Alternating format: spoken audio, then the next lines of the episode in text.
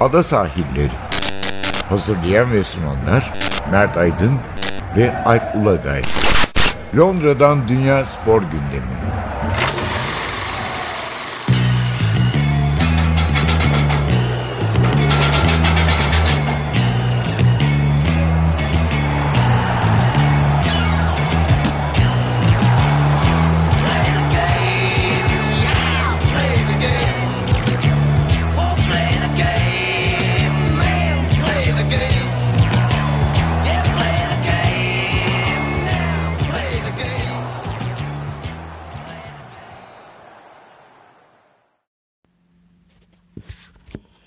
Ada sahillerinden merhabalar. Ben Alp Ulagay. Ben Mert Aydın.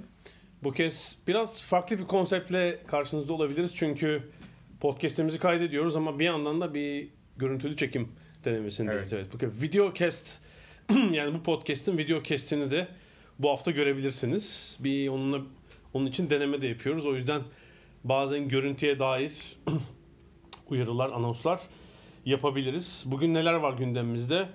E, aslında yani yaz aylarındayız ama hala e, gündemde futbol turnuvaları var üst üste. Kulüpler yok, milli takımlar coştu değil mi? Coştu. E, Her kategoride yani. yani kadınlarda zaten Dünya Kupası var.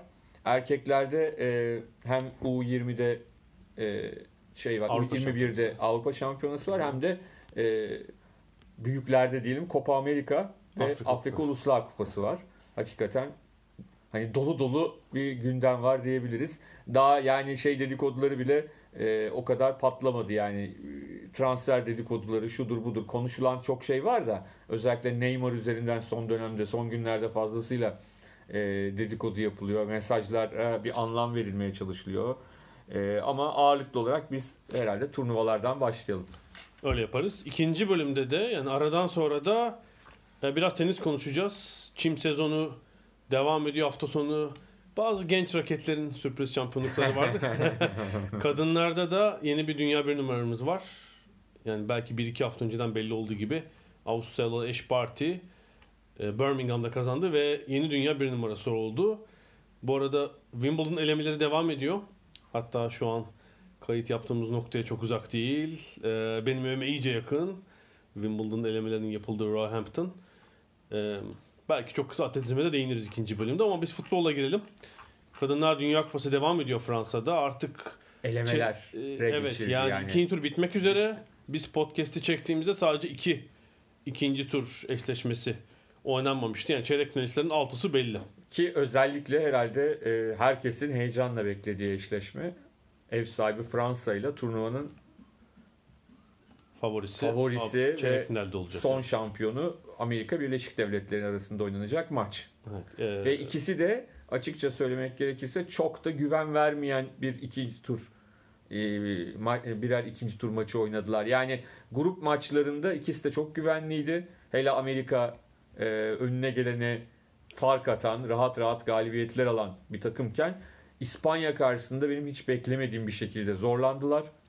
E, ikinci penal, iki penaltı golüyle maçı kazandılar. Yani penaltılarda bir şey yoktu. Şey anlamında penaltıyı küçümsemek için söylemiyorum yani ya da bir sorun varmış. Ama gibi. açık oyunda gol atamadılar ve ilk Tabii, defa tabii. gol yediler bu turnuvada. gol yediler. Evet. Şık Ee, da bir gol. Turnuvanın en şık gollerinden Ee, biri. Fransızlar da Brezilya önünde e, aslında genelde üstün oynadılar ama 1-1'e geldikten sonra oyun Brezilya normal süre bitene kadar çok acayip pozisyonlar üretti ve e, Fransa bir şok, büyük bir şokla karşılaşmaktan kurtuldu. Uzatma bölümünde yeniden üstünlük kurup kazandılar zaten. E, Hadi o biraz daha normal. Tabii Brezilya evet, belki bir Tabii 10-15 yıl önceki kadar güçlü değil ama yine de turnuvanın iddialı takımlarından biriydi. doğru, doğru. Yani İspanya bence burada mesela çıkış yapan Yani- takımlardan biri.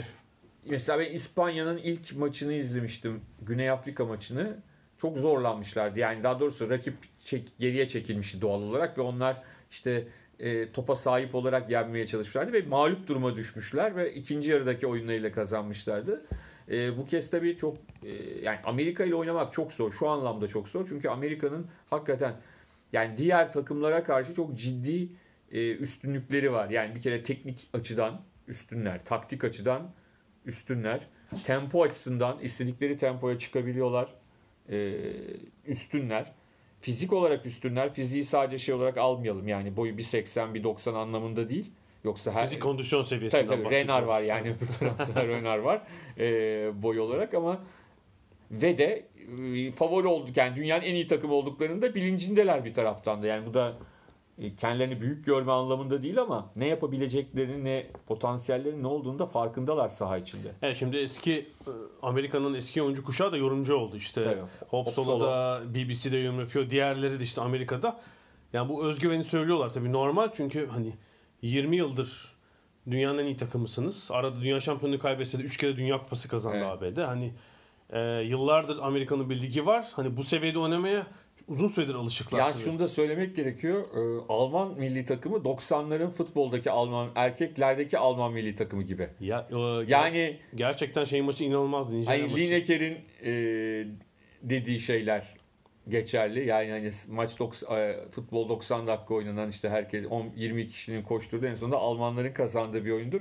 Almanlar hakikaten e, şeyler yani e, ekonomik oynuyorlar. Grup maçlarında kaybettiklerini düşündüğümüz maçları kazandılar. Maç içinde yani bu maçı kazanamazlar dediğimiz maçları kazandılar. Biraz sinir bozucu ilerliyorlar. Bir de tabii ki e, yine o 90'lardaki Al- Alman takımının kura şansı olurdu. E, yani geliş yönüne bakıldığında e, Fransa, Brezilya, e, Amerika Birleşik Devletleri, İngiltere Hepsi aynı tarafta. tarafta. Almanlar diğer tarafta. Hatta Amerika'nın şu, şu şikayeti oldu biliyorsun. Grup açık ara grup birincinin en iyisi averaj olarak. Ama İspanya'dan 3 gün, üç gün az dinlendiler. Ee, bir de grup ikincisiyle oynadılar. Yani Evet. üçüncülerden biriyle oynamadılar. Ciddi bir şey şikayeti vardı. Veryansını vardı. Şey ise Nijerya'ya düştü. Almanya. Hele izlemeyenler için hatırlatalım. Nijerya maçındaki goller çok matrak. Yani ilk Evet. gol oldu. Kornerden pop kafayla attı. Evet. 4-5 dakika vardı pozisyon offside mi pasif mi değil mi? Oyun başladı 20 saniye sonra penaltı oldu. Ve yine varla. Evet ya zaten e, herhalde e, VAR sisteminin bu kadar etki ettiği başka bir turnuva daha yok şu ana kadar. Hani liglerde dahil olmak üzere şu Ya- ana yani kadar. hakemler bir kısmını penaltıları süzemiyorlar. Bu kadar Dünya Kupası'nda erkekler Dünya Kupası'nda da Evet. beni biraz şaşırtmıştı. Çok ama burada artık bir uç nokta gibi Tabii yani. yani. şöyle bir şey var. Kendimi bir ara Türk Türkiye'de zannettim. Hani Türkiye ligindeki oluyor ya saatler süren. Yani dün mesela e, bir penaltı pozisyonu oldu. E, şey maçında. Ne derler? E, İsveç Kanada maçı. evet İsveç Kanada maçında çok net bir şekilde İsveçli oyuncu elle topu çıkarıyor. Evet, evet. E, ya, uyardılar hakemi Evet, doğru olarak. evet. Yani hakem göremeyebilir çünkü karambol pozisyonda itirazım yok. Ancak o kadar uzun seyretti. Sonra geri döndü. Ben bir daha bir gidip bakayım dedi. Yine bir daha geri döndü. Yani neye baktı bu kadar çözemedim. Yani neden baktığını bu kadar Ya şeyde bir fark var. Erkekler Dünya Kupası'nda 2018'deki şey hatırlayalım. Yani yarım dakika 45 saniye süren burada yani 3-4 o dakika. şeyde devam ediyor. Mesela Şampiyonlar Ligi'nde de öyle. Yani bir tek Cüneyt Çakır'ın şey pozisyonunda uzun baktı. O da yani bakılacak bir pozisyondu. Hani Llorente eliyle mi attı e, yarı final maçı, şey çeyrek final maçında şeye Manchester City'ye golü. Evet, E, evet. Çünkü o pozisyon her açıdan farklı gösterebiliyor. Öyle pozisyonlar yani 40 yılda bir olur. Ama onun dışında e, Şampiyonlar Ligi'nde yani 40 saniye sürüyor neredeyse şeyler. E dün e, önceki gün yine goller oluyor. Sevinemiyorlar yani. Bir, bir süre bekliyorlar. E, ben İsveç Kanada maçında en son biliyorsun. Ha, evet, evet. Yine 90 artı 7'de ele çarpma oldu. Dedim yine bakacak herhalde. Ve penaltıyı verecek. bir tane verdi. Offside oldu ortaya çıktı onun. Öbür daha oyunun başlangıcında, pozisyonun başlangıcında offside oldu ortaya çıktı. Oradan o penaltı verilmedi falan. Hakikaten ama Bu haliyle in- insanı bezdiriyor gerçekten. Bu işin evet. suyunun çıktığı an aslında e, İngiltere Kamerun maçıydı. Kamerun maçı. Kamerunlular da sağ olsunlar birazcık e, şeyler ne derler. Yani her pozisyonda Fevri davranlar. çok çok çok e, Kararların verilmesi uzun süre. Hayal kırıklığına uğradılar tabii. tabii yani Büyük ama e, hani davranış biçimleri birazcık sıkıntılı oldu. E, yani her verilen kararın yanlış olduğunu düşünüyorlar. Kendi aleyhlerine verilen. E, Şimdi biraz e, şey oldu ne derler sıkıntılı oldu. E, bilmiyorum şeyde şimdi yanlış bir şey söylemeyeyim. Avrupa'daki özellikle ya da Şampiyonlar Ligi'nde kadınlarda VAR sistemi uygulanıyor mu uygulanmıyor mu? Ama pratiği çok iyi değil. Turnuvadaki hakemlerin Ki- bu konuda. Eminim ki FIFA'nın e, turnuva öncesi hakemlere bunun eğitimi yani hem sahadaki hakemlere Evet. hem var hakemlerine. Yani şimdi hani erkeklerin avantajı var sonuçta. Şeyde Şampiyonlar Ligi'nde o kararları veren hani birçoğunun liginde artık uygulanıyor. O- onun verdiği bir tecrübe var Ama, ama, Dünya Kupası'nda yoktu. Değil mi? İlk kez uygulanmıştı. evet evet. Evet yani 2018. Evet ama onda da bi- biliyorsun çok e, dengesizlikler oldu ne olup ne olmayacağı konusunda. Ama sonuçta e, biraz var da e, herhalde hani bu turnuva bittiği zaman çok konuşulacak şeylerden bir tanesi. Hani bu turnuvada en çok neler konuşuldu dendiğinde ilk 5'te kesin olarak VAR, VAR sistemini konuşulacağını düşünüyorum. Evet. Bir de tabii ki meşhur penaltı vuruşlarındaki yeni kural kalecinin ayağının Çizgide mi değil. değil mi?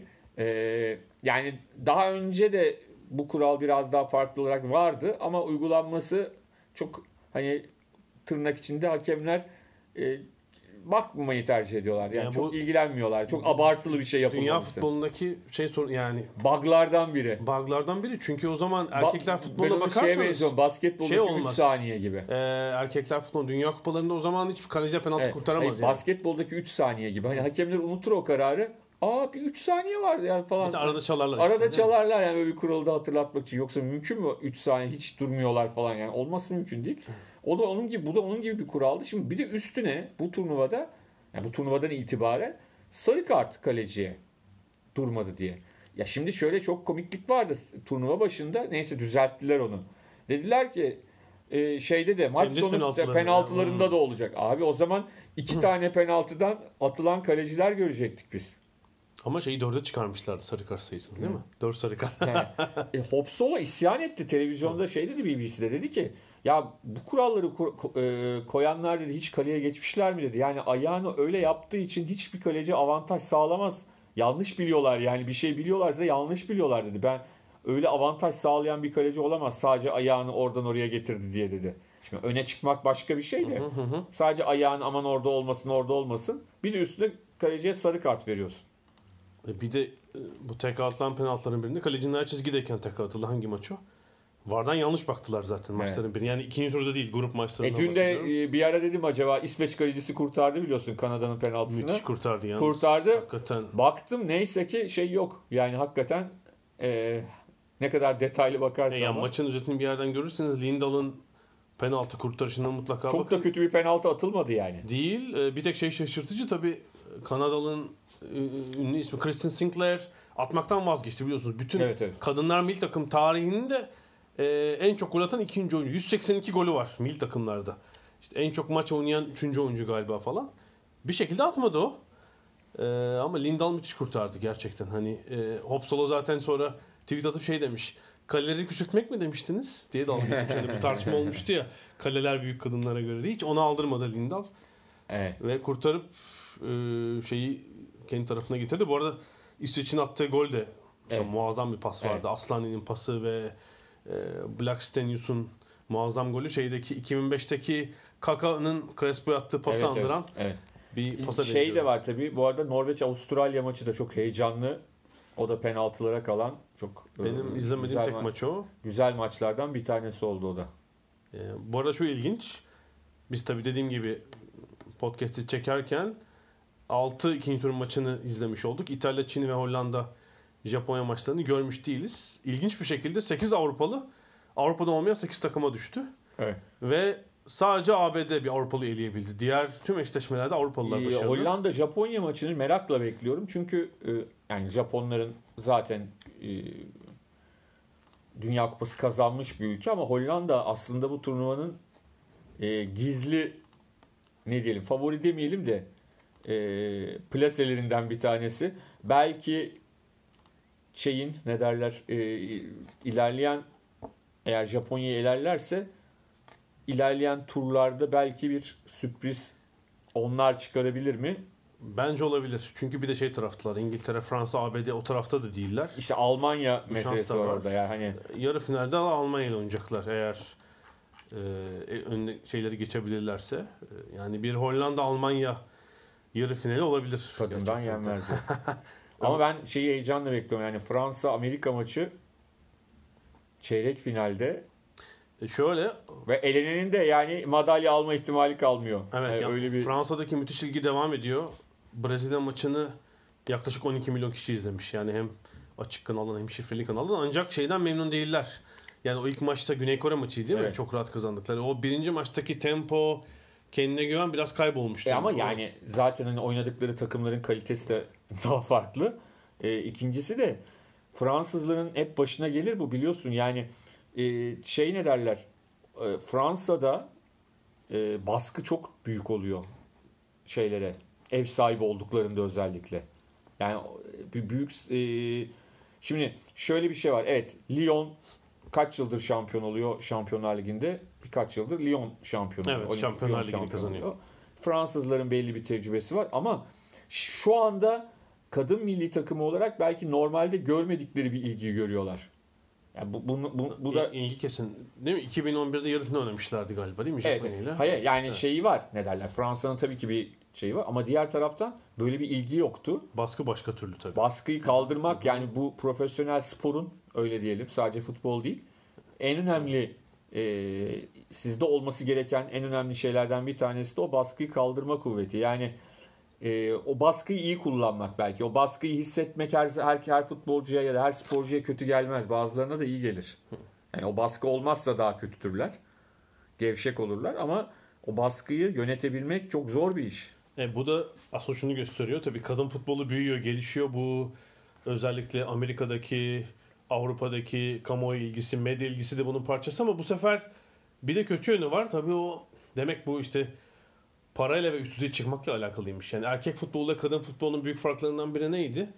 Yani insanın içini bezdiren bir şey silsilesi var erkek futbolunda. İtiraz, aldatma, işte rakibe kötü davranma, hakemi zaten taciz artık bir sadece Türkiye'de değil bütün Sanat oldu. bütün dünyada böyle evet yani işte o yere düşünce böyle hakeme bir, hakeme bir göz atma, penaltıyı bekleme. Yani kadın futbolunda aslında kadınlar oyunlarına bakıyorlardı. İlk defa ben bu Dünya Kupası'nda elbette erkeklerle henüz kıyaslanmaz ama şeyin farklılaştığını görüyorum biraz. Yani işte atan, rakibine sert davranan, biraz da var yüzünden hakeme taciz, Evet. itiraz bu sayının arttığını Yani biraz VAR'ın kötü e, etkilerinden biri bu oldu. Yani şimdi Ya şu varı şeye çevirsek ya şu çizgi kamerası olarak kalsak gerçekten. ben ya şimdi ba- e, şöyle bir şey var. Hani bazı olaylar oluyor diyorsun ki iyi ki VAR var. Hı. Ya anlatabildim mi? Ba- bazen Pek öyle oluyor dediğim ama bir şey olmaz benim ya. Yani gol hariç ama işte oluyor bazen. ne oluyor? Yani- Yani ne olabilir? Ya şimdi sen resmen gol atıyorsun. Hakem offside Tamam, vermiş oluyor. Onu çizgi kamerasıyla halledemezsin Ha, işte. işte o da futbolun Ya da şeyi. 50 atıyor birisi yani. Ha. Anlatabildim mi işte? Kaç tane e, dünyada tarihte görülmüş bir sürü hadise var İki yıl tutacaksın atanı kenarda. falan. Öyle olmuyor. Parasız. ondan sonra. Ama yani e, o anlamda evet. Ya ben hep şunu söylüyorum. Türkiye'de oturmamasının nedeni Türkiye'de sisteme olan güvensizlik. Yani Türkiye'de futbol sistemine olan bir güvensizlik var. Bir de yani hakem Çünkü- kurumunun koruyucusu yok tabii Türkiye'de. Yani bir şey Hepsi var. bir yerde. Yani o sistemsizlikten dolayı hiç kimse hiçbir şeye güvenmiyor.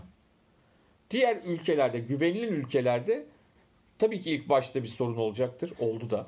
Almanya'da yaşananları hatırla ilk sezonunda. Yani yüz küsür yıllık bir gelenekten bahsediyoruz. Onun bitmesi öyle aa ne güzel hadi oldu bugün de başlasın öbürü denilebilecek bir şey değil. Ama eğer sisteme güven varsa o ülkede futbolun doğru yönetildiğine, doğru şekilde her şeyin yapıldığına e bir süre sonra var aslında çok düzgün bir e, fa- düzgün faydaları olan bir sistem Benim bahsettiğim kısım güvenle alakalı değildi bu arada. Bunu Ben seni biliyorum. Ben güven, senin neden olduğunu. ülkeler var ya. Ben yani futbolun doğasına ters mi değil mi diye hep düşünüyordum. Çok e, uygun olduğunu tüm yani bu bir buçuk yılda karar Kolay verdik değil. Kolay bir Açıkçası. şey değil ama burada bütün sorun şurada. Futbolun e, şey temposu çok yükseldi. Yani futbol artık 1980'lerdeki 90'lardaki tempoyla oynanan 70'lerdeki Kesinlikle. tempoyla oynanan bir oyun değil. E, ve sahada 22 futbolcu ya da 11'er futbolcu bu tempoyu paylaşıyor. Ama siz hakem olarak bu tempoyu paylaşamıyorsunuz ve birçok şeyi kaçırıyorsunuz. Ya ana mesele orada ve daha kötüsü şu. ka- 1960'larda yaşasak kaçırdıklarınız çok sorun olmayabilir. Ama şu anda sıradan bir e, futbol izleyicisi yüzlerce kamerayla televizyondan izlediğinde birçok her açıdan Olaya müdahil. olaya müdahil. Yani siz e, oradaki en e, zavallı adam olarak kalıyorsunuz hakem olarak. Ve daha sonra birileri o 50 kameradan izleyen birileri sizin bilerek ve isteyerek o hatayı yaptığınızı iddia etmeye başlıyor. O yüzden VAR bence o anlamda hakemler açısından doğru kullanılırsa tekrar altını çizmek gerekiyor. Bence o anlamda bir şeyi kapatma, yani haksızlığı kendilerine yapılan haksızlığı kapatma anlamında önemli. Ama ha bunun tembellik yaratıp yaratmadığı, e, hakemlerin konsantrasyonu düşüyor mu düşmüyor mu bu ayrı bir konu. Zaten bu böylesine temel ve köklü bir değişikliğin sıfır e, itirazla ya da sıfır e, arızayla kapanması da yapılması da mümkün değil. Yani bu çok zor bir şey zaten. Eğer bünye reddediyorsa zaten reddedecektir. Öyle söyleyeyim ama ben yani gerektiğini hala gerektiğini düşünüyorum. Gerekli bir şey olduğunu düşünüyorum. Sadece benim bununla ilgili tek itirazım var. O da şu. Futbol neden çok seviyor herkes? Herkes mahallesinde, sokağında, dünyanın hangi ülkesinde olursa ol iki tane taş, dört tane taş bulup ortaya top bile bulmasına gerek yok. Yuvarlak herhangi bir şeyle oynayabilir futbolu. Basitliği. Şimdi siz şu anda dünyada en üst düzey organizasyonlarda VAR sistemiyle belirli bir çaba içindesiniz ama alt liglerde çünkü pahalı bir sistem bu arada. Alt liglerde dünya üzerindeki ya da işte amatördeki maçlarda bunu uygulamıyorsunuz. Bu da bir eşitsizlik ve futbolun kendi içindeki o yani e, şeyin ne derler Madagaskar'ın bir köyündeki e, bir çocuk kendini Messi ile Ronaldo ile kıyaslayabilir. Bu doğru bir şey olup olmadığı tartışılabilir. Ama o çocukların aralarındaki maçta VAR sistemi diye bir şey koyma şansın yok yani. Bu, bu e, böyle bir eşitliği e, futbolun o güzelliği olan o eşitlik kısmını kaybetmiş oluyor. Sadece benim tek orada kafamdaki soru işareti onun dışında doğru kullanıldığı sürece tekrar söylüyorum maçları yani Şampiyonlar Ligi'nde gördüğümüz gibi VAR sistemi diyelim. Bence gayet faydalı olur. Ben yine de oyun çok böldüğünü düşünüyorum. Yani çizgi çizgi sahanın bütün bütün çizgilerine uyaran bir uyarı sistemi olabilir. Nedense ben Kardeşim onu da sen bul üniversiteye git. Ben, ben çok taraftar değilim açıkçası. Yani bu hele bu Kadınlar Dünya Kupası'ndan hakemleri gerçekten tembelliğe sevk ettiğini söylemek mümkün. Bir de şu ilginç İngiltere kamera maçından sonra yani İngiltere'nin berbat bulvar basını var tabii dışından falan bahsetmiyorum. Böyle bir kamerana o sağ içindeki tavırlarından dolayı yani biraz o Phil Neville'dan da kaynaklandı. Maç şeylerinden sonra şu oldu yani İngiltere'nin maç şeyinden değil galibiyetinden değil. Kameranın oyuncular işte e, utanç verici şöyle böyle. Evet Neville'in boş boğazlığının büyük şeyi oldu muhtemelen diye düşünüyorum. Yani şunu bekliyorum. Umarım bir sonraki maçta e, bir Avrupa takımıyla başına aynı şey gelir. Bakalım onu, onları söyleyebilecek mi? Buna gücü yetecek mi? Zannetmiyorum tabii ki olabileceğini. Ve iş Kamerunlara patladı. Şimdi sağdan ilk yarı sonunda ve maç sonunda böyle bir şey oldu. Hani sağdan sanki çek oyun başlamadı çünkü. Evet. O İngiltere'nin attığı ikinci golden sonra bir 3-4 dakika oyun durdu. Hakem ikna etmek zorunda kaldı. E sonra 2-1 yapan golü attılar. O sayılmadı. Orada yine bir küçük isyan çıktı. Ee, ikna olmadı Kamerunlular. Evet. Bir de tam maça dönecekler. İşte 2-1 olmuş bir hayal kırıklığı. Ee, hakemin ikna edici olamaması. işte belki Kamerunların bilmiyorum varı bilmiyorlar biliyor bilmiyorlar mıydı. Bu İngiltere'de şu var. Ee, özellikle Daily Telegraph, The Guardian bunlar bu kadın sporunu, futbolunu biraz yukarı çekmek için bir sürü yeni muhabir aldılar. Oradaki tecrübesiz muhabirler de yani maçı yazacağını şey yazmış. Bu olayı yazmış. Maç çok kolay oldu ya skor olarak. Hı. Muhtemelen yazabilecek Hı. bir şey kalmadı ama e... Bayağı Amerikalı tecrübeli muhabirlerden papara yediler hafif. yani şeyin üzerine e, yazdığın haberin üzerine 12 tweetle şey anlatmana gerek yok işte demek ki yazamamışsın basit şekilde. Ee, bundan sonra ne olur? Ee, ne diyorsun? Bir tahminin var mı? Ya şöyle diyeyim. İşte ben al, bir, bir şey ABD İngiltere olur diyorum ben bir taraf.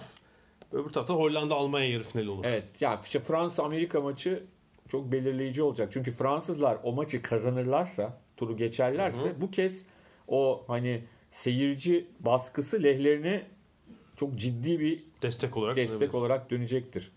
Öyle düşünüyorum. Sanki bana biraz tempoları düştü. Düştü o kesin. O stres. O, on... Gerçi işte Amerika'da Evet Amerika'da enteresan. Değildi. Evet Amerika'nın İspanya maçı Benzer belki de yanıltıcı bir bir maçlık bir belki o e, İspanyolların o inatçılığı onları rahatsız etmiş olabilir. Daha kolay bir maç bekliyor olabilirler bilmiyorum. Ama sonuçta e, dediğin gibi Hollanda, Almanya, Amerika ya da Fransa, İngiltere diyelim.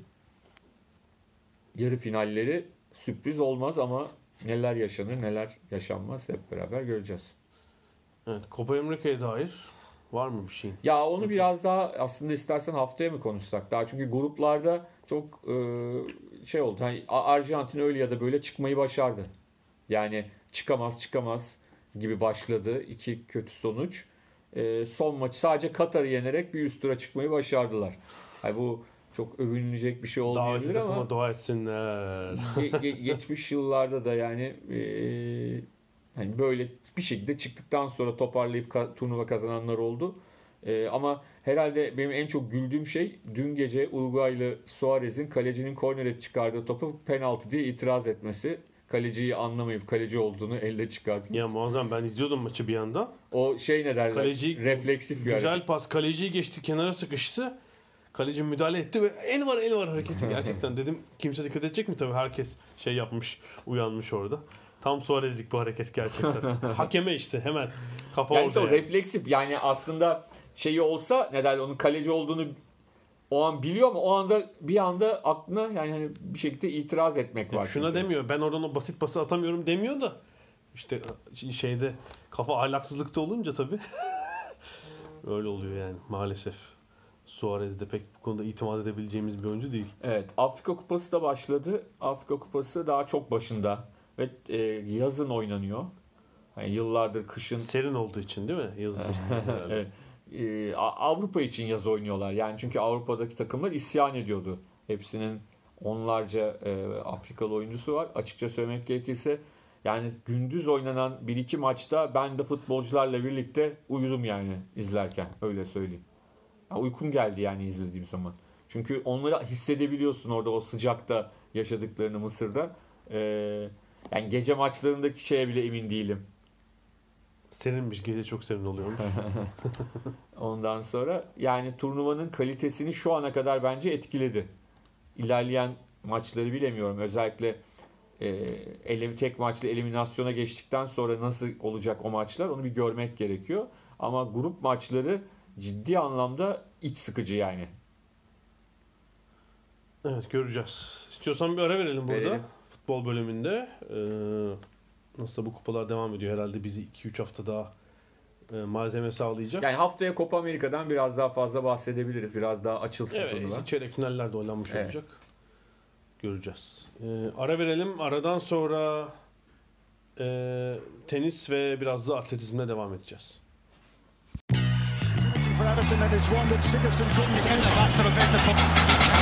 Ada sahilleri. Londra'dan Dünya Spor Gündemi.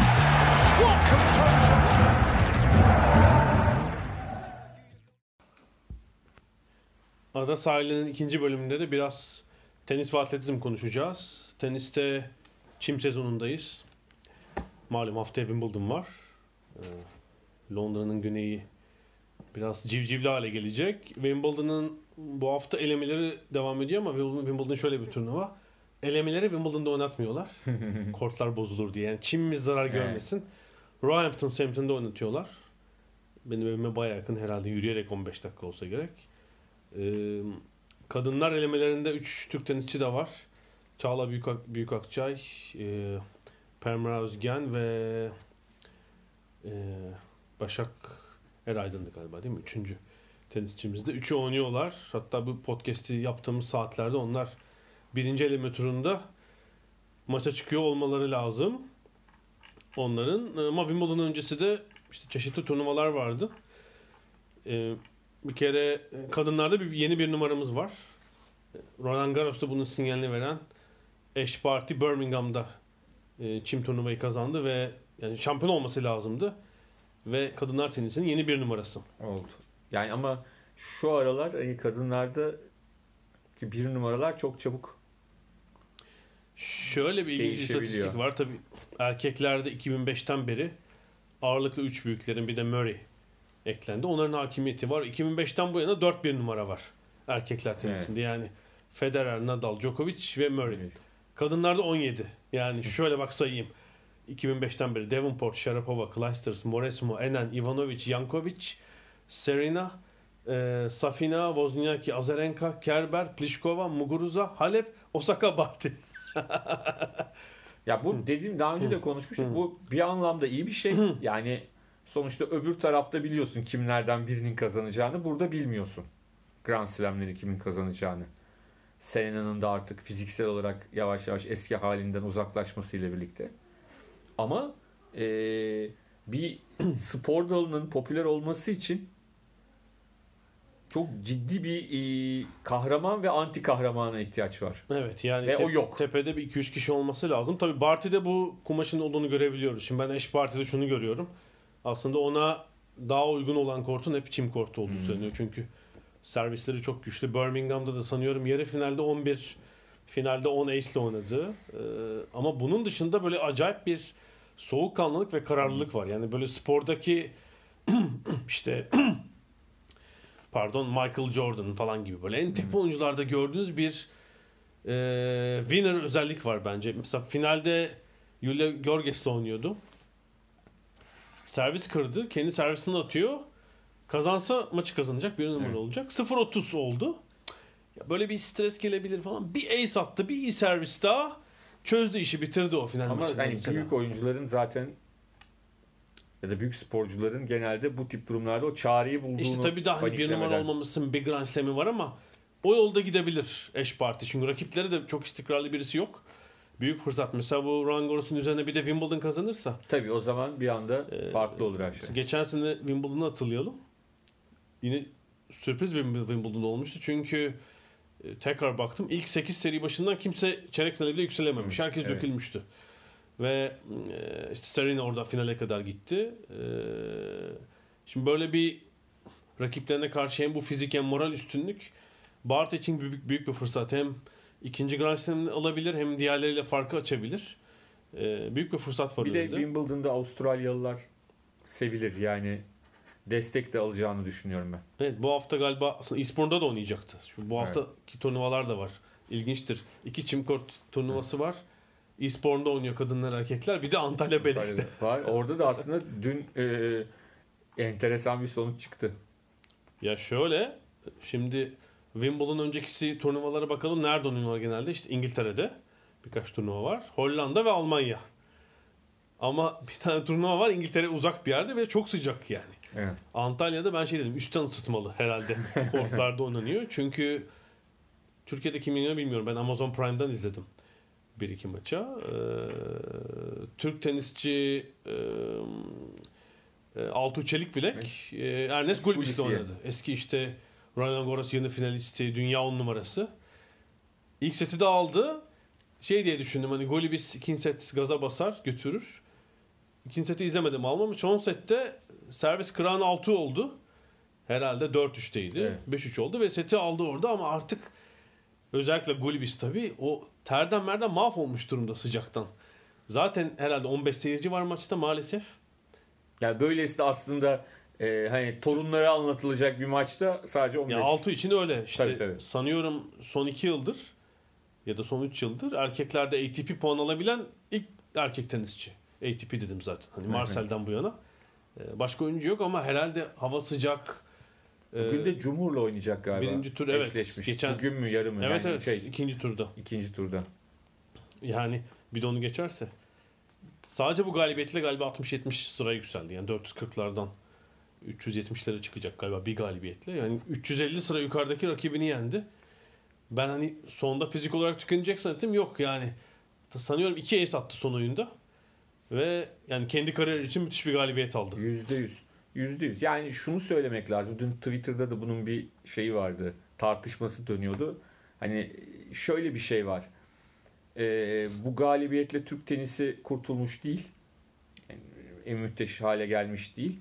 Ama yani tamamen küçümseyeceğimiz yani öyle de olmuştu, o bırakmıştır, oynamamıştır diyeceğimiz bir sonuç değil bu.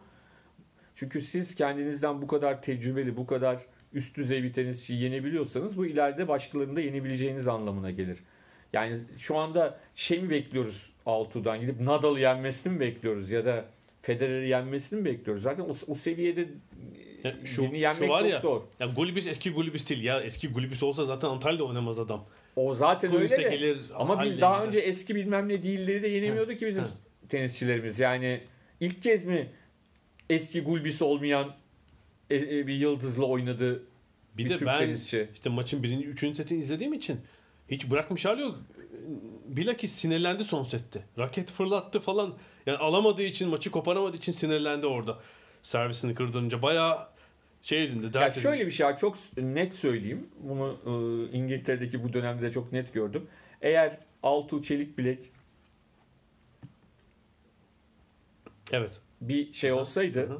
İngiliz tenisçi olsaydı 440. sırada bugün manşet olmazdı tabii ama Flash galibiyet falan bir diye. yerde bir Evet. e, ciddi onun kim olduğuna dair, ne yaptığına dair, ne dedi e, maçtan sonra, ne yaptı mutlaka gazetelerde bunu okurduk.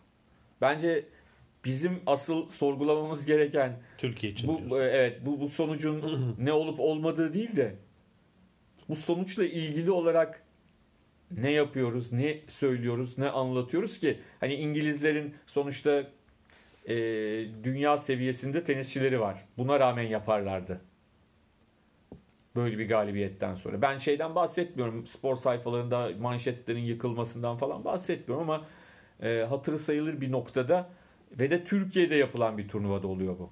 Oynanan bir turnuvada oynuyor. Yani erişimin kolay olduğu bir turnuvada Ve, oynanıyor. yani Türkiye'de Yani ATP Pakistan'daki turnuvası ITF turnuvasında oynanmıyor yani. Ve bir ITA turnuvası değil, ATP turnuvası. İşte diyorum ya hani mesela Pakistan'da, Sri Lanka'da falan bir yerde olsa diyeceksin ki abi zaten nasıl göndereyim adam kimse yok. Ondan bahsetmiyorum. Adam göndermekten bile bahsetmiyorum. Telefon diye bir cihaz var biliyorsun. Yani şu üzücüyü tabii işte bahsettim. Herhalde maçı dediğim gibi 15 kişiyi bilmiyorum bilet parası vererek mi girdiler. Hakem ve kameramanlar şemsiye altında. Seyirciler işte herhalde sıcaktan dolayı köşeleri sıkışmışlar. Yani maç sonrası on court röportajı röportaj yapıldı. Bilmiyorum kaç kişi dinledi röportajı. Herhalde işte 5-10 kişi. Halbuki kariyerin en önemli günü. Daha önemli bir gün olabilir bu arada. Haftada bir galibiyet olursa yani. Evet. Onu da söyleyelim. Ee, Ama bence e, hani ne yaparsa yapsın bu turnuvada hani Hı kazansa bile Hı hı. sonuçta Gulbis maçını bence en unutulmaz galibiyeti olabilir çok uzun süre. Kimleri yenerse yensin yani. Ya işte seyirci yokluğundan çok sevinmedi bile çocuk yani maçın sonunda. Bu arada Londra'da e, Queens'teydi tenisçiler. Queens'te de genç tenisçilerin e, zaferini izledik. Bir Lopez galiba kaç yaşındaymış? E, Feliciano Lopez 37 yaşında. O da herhalde Tabii Feliciano Kendi- Lopez bir de şarkıcı Feliciano Lopez Evet. var değil mi? kendi kariyerinin herhalde en önemli haftasını yaşadı muhtemelen. Lopez işte 1997'de profesyonel olmuş.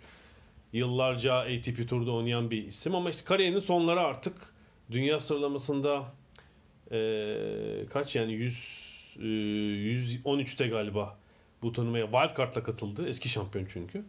İki sene öncenin şampiyonu. Ben pazartesi gitmiştim Queen's Club'a. O gün maçı yoktu. Sonra hani ilan edeni görüyorum Lopez'in. Yani tur atlı atlıya gidiyor. İşte Raonic'i yendi. Yarı finalde neredeyse oğlu yaşındaki Felix Auger-Aliassime yendi. Ve şey oynuyor yani. Mesela Medvedev sıkıcı ama Lopez görüyorum filede hani bu çim kort oyuncusu e, eğlenceli yani. Finale de çıktı dedim herhalde finalde alamaz. Şu oldu.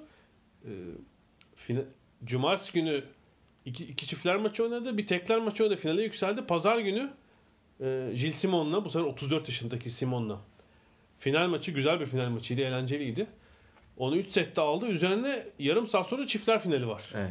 Ve çiftlerdeki partneri de Andy, Andy Murray. Murray, Evet. Bu yüzden herhalde tekler finali kadar dolu bir çiftler finali Evet. vardı Andy Murray vardı. Maçtan sonra da zaten e, hani birbirlerine övgü yağdırdı ikisi korttaki e, röportajda. E, Feliciano Lopez hani Andy Murray'i nihayet yeniden o kortta görmenin ne kadar güzel bir şey olduğunu anlattı. Hakikaten de şey demiş yani e, turnuva öncesi asla hayal edemeyeceğim. Evet tabii onu da kupalı bir söyledi. oldu. evet evet yani onu da evet onu söyleyecektim. Yani şey dedi ben turnuvaya böyle bir şey hayal etmiyordum dedi. Hem tekleri kazanacağım hem çiftleri kazanacağım. E şöyle oldu çünkü Lopez hala oynuyor ama artık tenis sonrası kariyerine hazırlanan biri. Madrid turnuvasının direktörü oldu bu sene. Hı hı. Yani hani o yöneticiliğe ufak ufak geçerken e, birden iki güzel kupa. E bir de şimdi İşte Wimbledon'u yanında- alır falan diyormuş. o iyice efsane olur. Yanına herhalde bir 80-90 bin dolarlık para ödülü iyi, çok iyi bir hafta sonu. Hatta bu hafta da e-spor turnuvasına yani İngiltere'nin güneyinde orada kayıtlıymış. Herhalde oynamaz diye düşünüyorum orada artık bu yorgunlukla. Çünkü iki günde 5 maç oynadı. Kortta 15 saat mi ne geçirmiş. Hem tekler hem Ama Andy. Murray'nin oynaması hakikaten Evet Andy Murray ile ilgili şunu söyleyelim. Wimbledon'a teklerde wild card alır mı almaz mı diye konuştuk. Teklerde almadı. Ve bir iki röportaj verdi. Amerika açıkta teklerde oynama hedefi var. bence almadı demeyelim. Bence alma kendisi de çok e, gerçekten istese alırdı Tabii bence. tabii yani hazır hissetmiyor. Tam Evet. hazır olduğumda ben oynayacağım. Yani dedi. yoksa Andy Murray ben katılıyorum diyecek ve wild card vermeyecekler. yok alamadı ona. demedim zaten almadı. Ben de yani. sana demedim He, zaten. he. Yani hani şey olmaz ne derler. Belli ki o Amerika açığa daha Sir işte Andy Murray rica yani ederim. iki ay var. Herhalde onun için bir hazırlık olacak. Bu arada Delpo'yu kaybettik.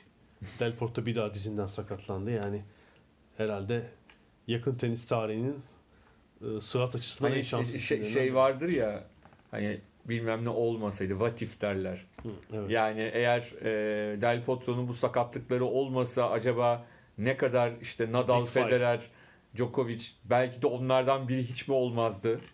Hiç ona izin ver, verilmezdi. Bilmiyoruz yani ama çok acayip olurdu. Yani şey hatırlıyor musun? 2007 Amerika'yı kazanmıştı değil mi Del Potro? 12 sene mi olmuş? 12 sene. O sene 2009 muydu yoksa? Yani Messi'nin çok iyi bir senesiydi. Arjantin'de yılın yılın sporcusu Del Potro seçilmişti. Amerika 2009 pardon Dokuz, 2007 dokuz. değil. Şaşırdım. Tabii Messi şey sezonu 6 kupalı sezon. Ama yılın sporcusu Arjantin'de Del Potro. Messi değil. Öyle bir sezondu. Hani ve beklenen şeydi Del Potro bir numara olabilir. Daha Grand Slam'ler kazanacak. Herhalde bir final oynadı ama bir daha Grand Slam kazanamadı. 2-3 ciddi sakatlık geçirdi.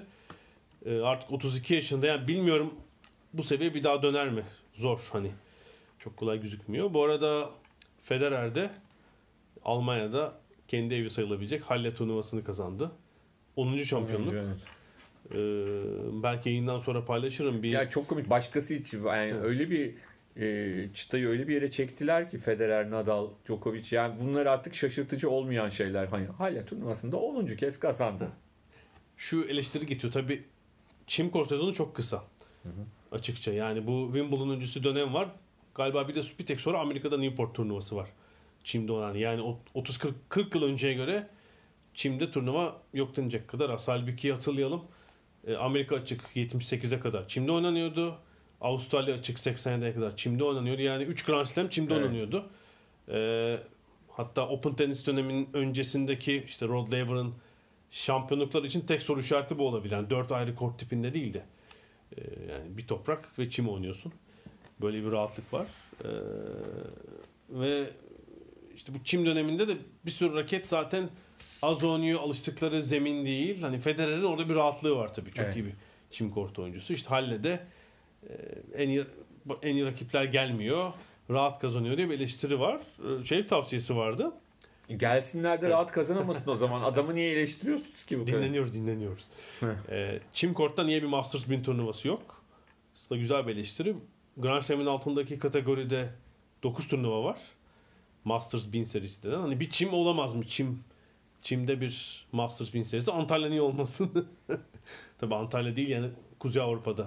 İngiltere yakın bir yerde olmalı ama tabii Queens'te olmaz.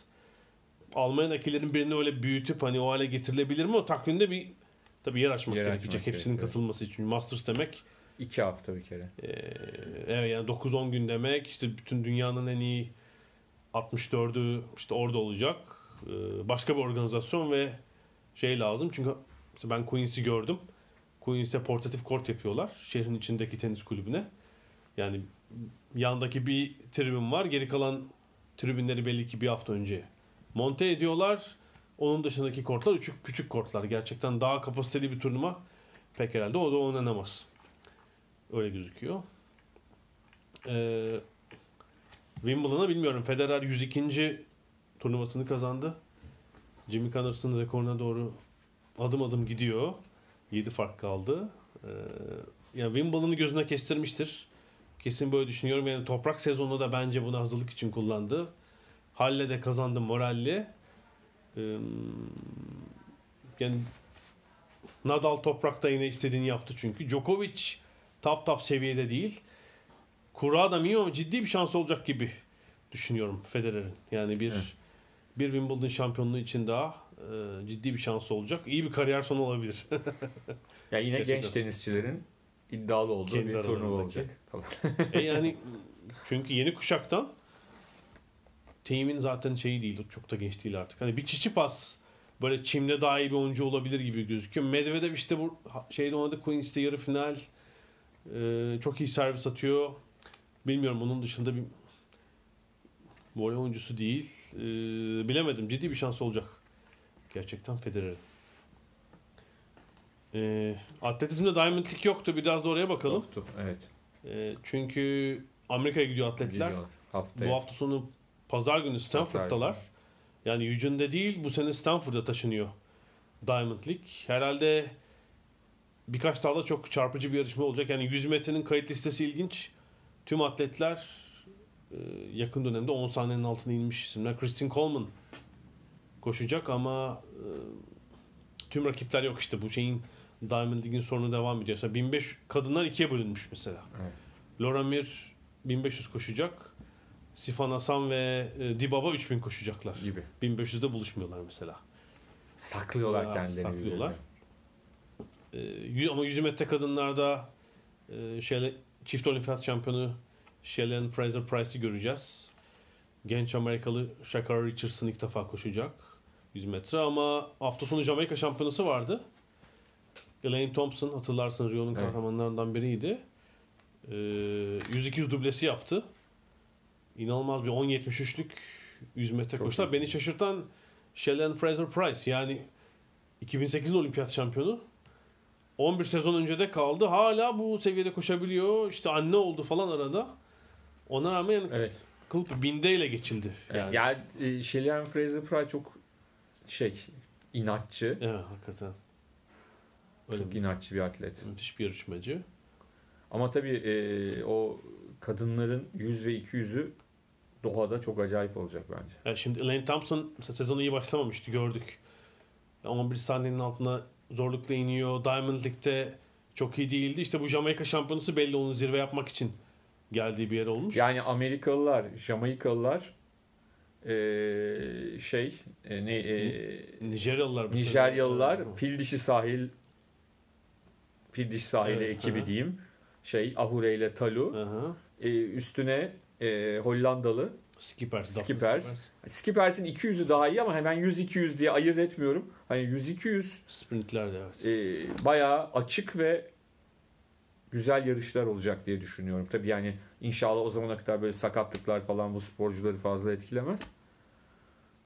Doha'da hava şartlarını da bilemiyorum tabii ne olacak ama klima altında. Üstten ısıtmalı mı yandan soğutmalı Klima mı? altında mı yapacaklar ama Bu arada e, Yasmani Kopeyo da şeyi açıyor. Yani Türkiye'de sezonu açmıştı da ilk uluslararası yarışını koşacak.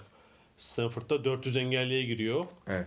E, Tabii ama orada Karsten Warholm'un öyle bir Varholm yok yalnız. yok hayır genel Evet. şeyde söylüyorum dünya şampiyonası için. Ray Benjamin var. Müthiş müthiş. Abdurrahman bir- Simba yok ama Var, Warholm'la Simba yok. Da tabii bir tek Bursa'da 51.04 koşmuş yani. E, Burada muhtemelen onun çok ilerisi Ya bence o da tamamen herhalde e, Doha odaklı sezonu bir parça daha. E, Diamond League'in bu ana kadar kısmını pas geçmiş oldu Evet zaten. evet. Yani biraz daha geç forma yani bir kere forma girebilmek için, bir kere o zirveyi yakalamak için herhalde böyle bir şey yapıyor. Evet, bu arada Latiskene Ostrava'da değil mi? 2.06 Evet. atladı ve dünya Evet. rekoru denedi. Evet. Tam geçen hafta konuşuyorduk. Evet. Geçen hafta iki, nihayet 2 metreyi aştı birileri diye seviniyorduk. 2.01'di ama o. Evet Üzerinde 2.06. 2.06 çok çarpıcı oldu ve 2.10'u denemiş. Ya Dünya biraz işte rekorunu. bir kişi daha olsa yani o şey döneminde Vlasic'in e, o 2.8 atladığı dönemde hakikaten Çiçerova, Berkuist derken e, Halebautlar falan filan bayağı bir şey vardı ne derler.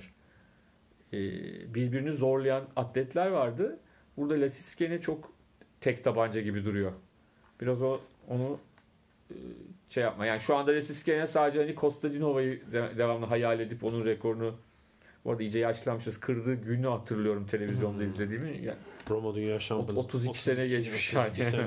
32 sene geçmiş yani. Evet ben şey yapmalıyım. Kayıtları duruyor çünkü bende. Hatta o zaman neydi o? Betamax mıydı? Küçük kaset. Evet evet. Betamax'a kadar ben onu sonra dijitale aktardım bir şekilde herhalde DVD'de falan vardır. 30 32 sene öncenin ama Kostanova'nın rekor kırdığı gün var mı? Kaydetmiş miydik hatırlamıyorum doğrusu. Ee, tabii yani yüksek atlama, uzun atlama geçen dünya rekorlarına bakıyordum. Ee, ATFS'in yıllığını getirdim Peter Matthews'un. İşte bir takım bir rekorlarda duraklama olmuş tabii. Evet. Son 10 yılda özellikle erkeklerdeki orta uzun mesafe bitince ama yüksek atlama uzun atlama en problemli. Yani yer çekimine karşı öyle bir mücadele var ki ikisinde. Ve işte erkeklerde kaç yıldır kırılmıyor? 28 oldu galiba. Olacak. Sotomayor'un rekoru. Bir uzun atlamayı diyorum. Ha, uzun atlamayı Ee, diyorsun, herhalde kadınlarda da 30 yıl falan olacak herhalde Çistiakova'nın rekoru. Yüksek atlamada Ama yani şey de zaten e, biri 26, biri o 32 oldu. 91 yılındaki o Tokyo'daki işte şeyin e, Mike Powell'ın dünya rekoru kırdığı yarışma herhalde yani tarihin en muhteşem yarışması olabilir dereceleriyle yani ikincinin Carl Lewis'i de hatırla. Tabii Carl Lewis'in 891 ile 891, 891 ile altın 880. alamadı adam ya. Yani inanılacak gibi değil. 891 atlayıp altın madalya alamadı.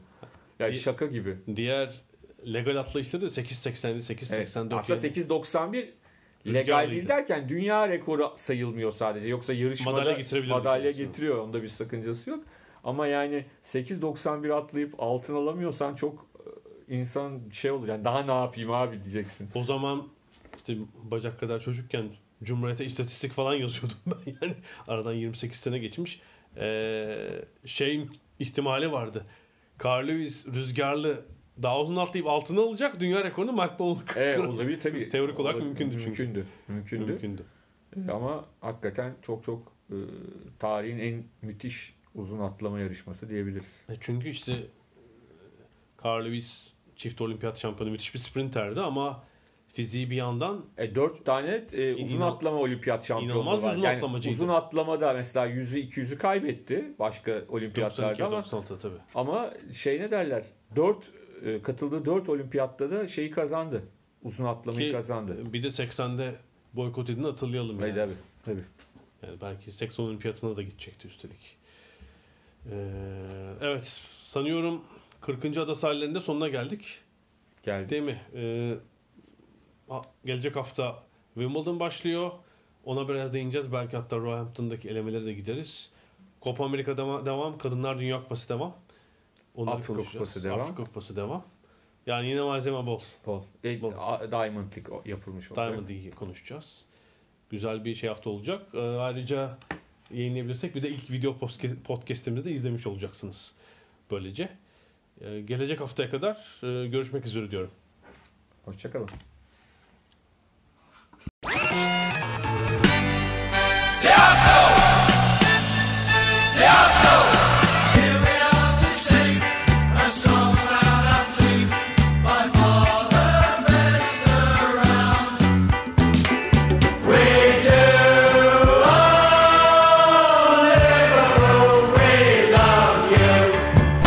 Ada sahilleri. Hazırlayan ve sunanlar Mert Aydın ve Alp Ulagay. Londra'dan Dünya Spor Gündemi.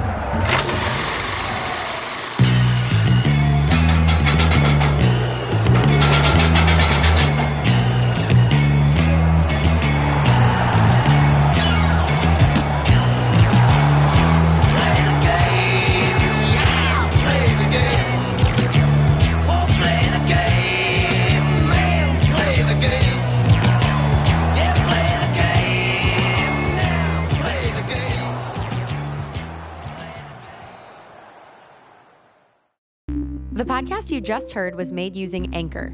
Ever thought about making your own podcast? Anchor makes it really easy for anyone to get started. It's a one stop shop for recording, hosting, and distributing podcasts. Best of all, it's 100% free. Sign up now at anchor.fm slash new. That's anchor.fm slash new to get started.